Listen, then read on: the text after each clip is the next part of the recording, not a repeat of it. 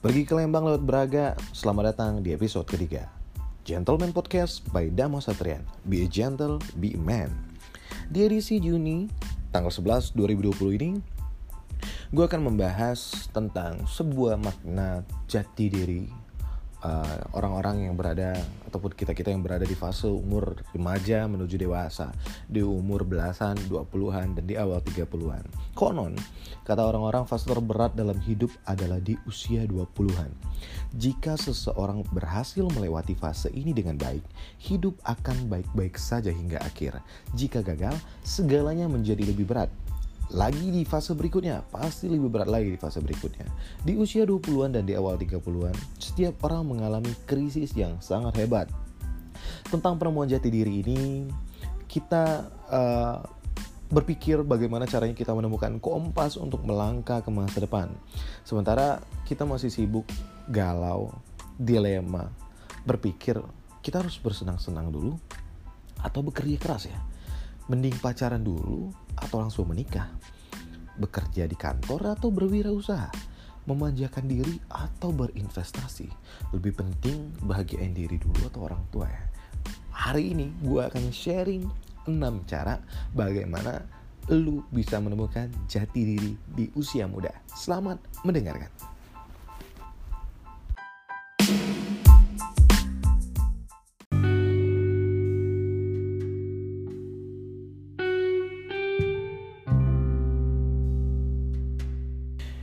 Tips yang pertama, coba lu kasih pertanyaan ke diri lu sendiri. Lima kata yang paling tepat untuk menggambarkan diri lu. Lima kata. Dan coba lu tuliskan ya, itu di kertas.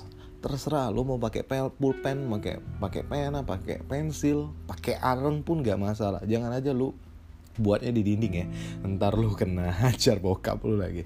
Coba lu tuliskan aja lima kata yang menggambarkan diri lo. Misal, lo menggambarkan bahwa diri lo itu ceria. Lo suka berkumpul dengan orang. Lo suka ngomong. Lo suka hal-hal yang tertantang, menantang diri sendiri. Atau yang kelima, lo eh, nggak uh, bisa diam orangnya. Lima hal itu bisa dipastiin bahwa lo punya sikap dan sifat yang ekstrovert banget jika lo berpikir bahwa lo ekstrovert, lo harus menemukan um, subjek-subjek di masa depan yang ada gesekannya dengan ekstrovert.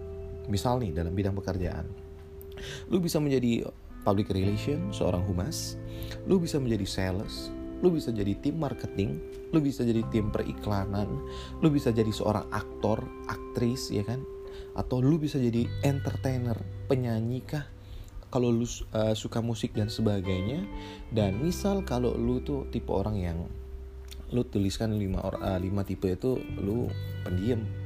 Lu nggak suka ngobrol sama orang lu suka nulis ya otomatis lu harus pikirin hal-hal yang ada gesekannya juga dengan introvert banget seperti itu. Kalau lu berpikir bahwa lu introvert hal yang paling tepat lu lakuin adalah cari ya hal-hal yang bisa menunjang introvert lu itu menjadi hal yang lebih positif dan lebih berguna. Siapa tahu ya kan? Dari pikiran lu itu lu akan berkembang menjadi seorang introvert yang profesional, misal jadi penulis yang handal ya kan? Lu bisa maju terus dan lu bisa nemuin jati diri dari sekarang. Gitu.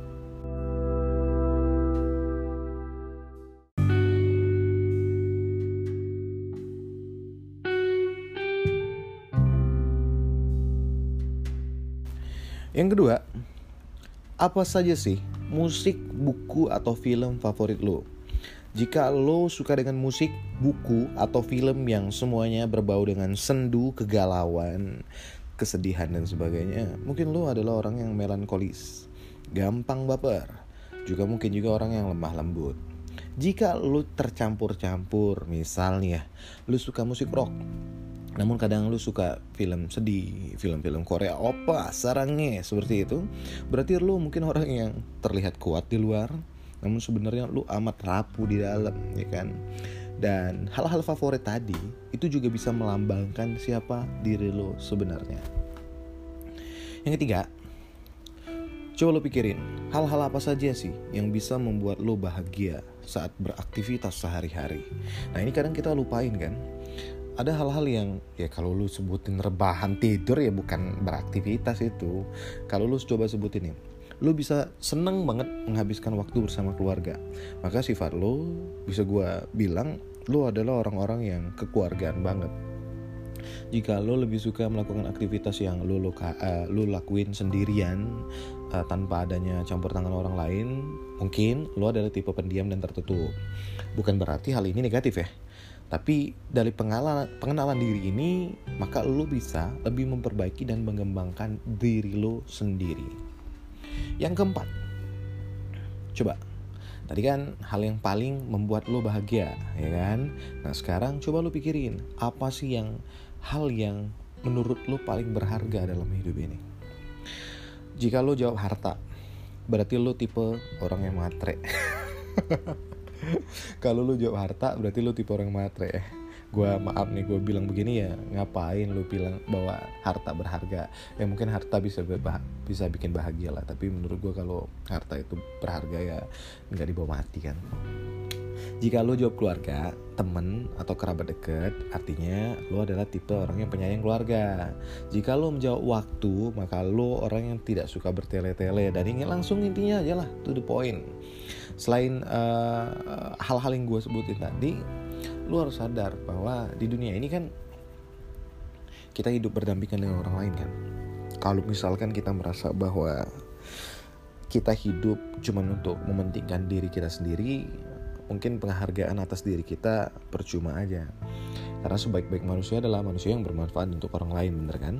Kalau lu bilang bahwa kehidupan lu berharga orang-orang di sekitar lu berharga berarti lu akan maju terus ke depan bro. Tanpa harus memikirkan hal-hal yang sekiranya akan membuat lu makin minder. Karena intinya lu pengen yang berharga tadi lu bahagiain kan bener kan? Gitu.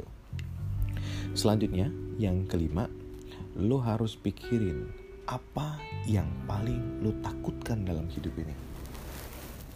Kalau lu pikir lu takut kehilangan pacar atau lu takut kehilangan uh, apa ya um, dompet segala macam rasa kehilangan itu kan wajar terjadi dalam kehidupan sehari-hari.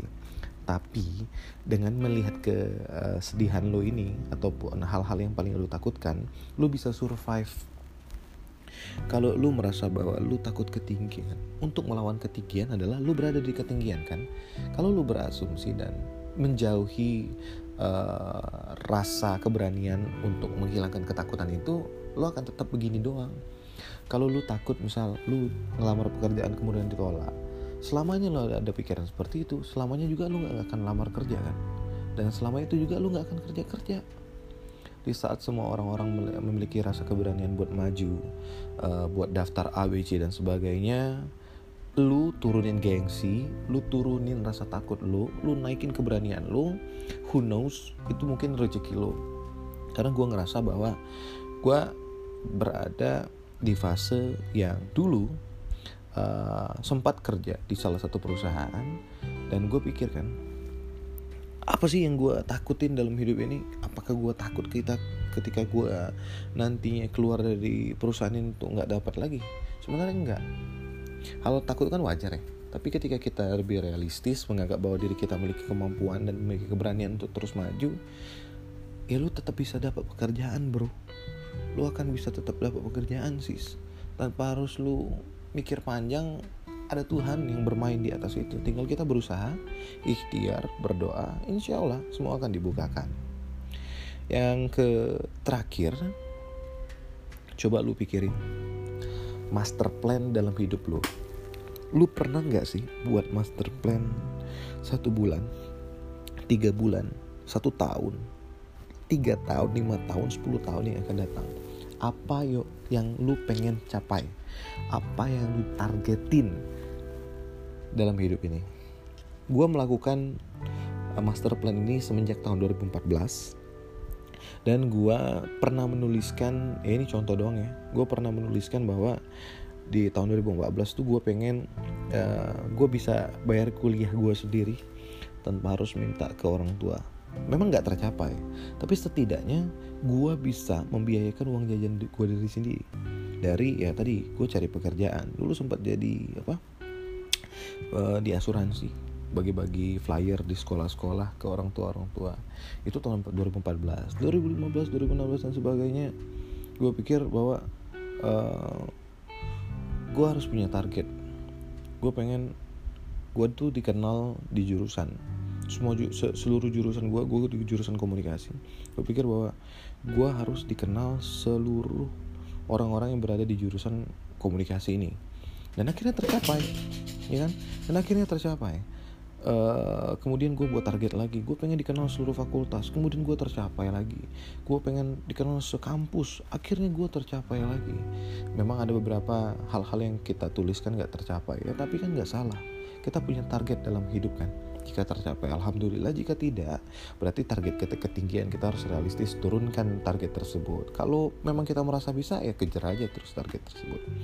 Karena dengan adanya target berarti kita ada sesuatu yang kita usahakan ada sesuatu yang kita upayakan, ada sesuatu yang kita inginkan. Biasanya hal tersebut bisa menjadi motivasi buat diri kita sendiri untuk terus maju, terus maju, dan terus maju. Itu master plan. Mungkin hal-hal yang gue sebutkin tadi uh, bisa lo tiru karena menurut gue pribadi gue berhasil melakukannya gue ajak diri gue sendiri bercerita gue ajak diri sendiri gue sendiri buat ngobrol buat nanya bahwa diri lu nih siapa dan mau jadi apa ke depannya dan gue ngerasa bahwa semua hal-hal yang gue sebutin tadi akan berguna di masa mendatang buat lo minimal buat lo ngukur pakai mistar lo sendiri tentang mau jadi apa lo hidup di dunia ini. Dan mau seperti apa lo hidup di dunia ini bergantung semua ada di langkah lo hari ini. Bukan di langkah dulu 10 tahun yang lalu enggak semua itu bergantung pada langkah lo hari ini. Dan manusia akan menjadi seperti apa yang ia kerjakan hari ini. Jika lo kerjaan cuma rebahan doang kerjaan lo cuma uh, main handphone lihat Instagram ya kan? Lihat TikTok setiap hari gue bisa pastiin lu di masa mendatang nggak akan jadi apa-apa. Kalau lu mulai dari sekarang lu mulai rajin misalnya lu mulai rajin belajar membaca buku banyak tentang berkaitan dengan berwirausaha lu praktekin. Walaupun lu biasa aja sekarang kalau lu punya usaha itu dan terus selama lima tahun 10 tahun insya Allah semua itu akan diberikan kejelasan oleh Tuhan Yang Maha Kuasa berdasarkan ikhtiar lo hari ini Oke, okay? uh, eh, mungkin itu saja yang dapat gue sampaikan hari ini. Kalaupun berguna, insya Allah untuk buat kita semua, buat nge-rewind untuk diri kita sendiri ataupun diri gue sendiri itu alhamdulillah. Uh, mohon maaf jika banyak minusnya. Masih dalam proses ya episode awal-awal. Mungkin episode ke 100 120 baru maksimal ya. Namanya juga ikhtiar awal. Bergantung hari ini tadi. Thank you see you di edisi selanjutnya episode keempat. Wassalamualaikum warahmatullahi wabarakatuh. See you bye bye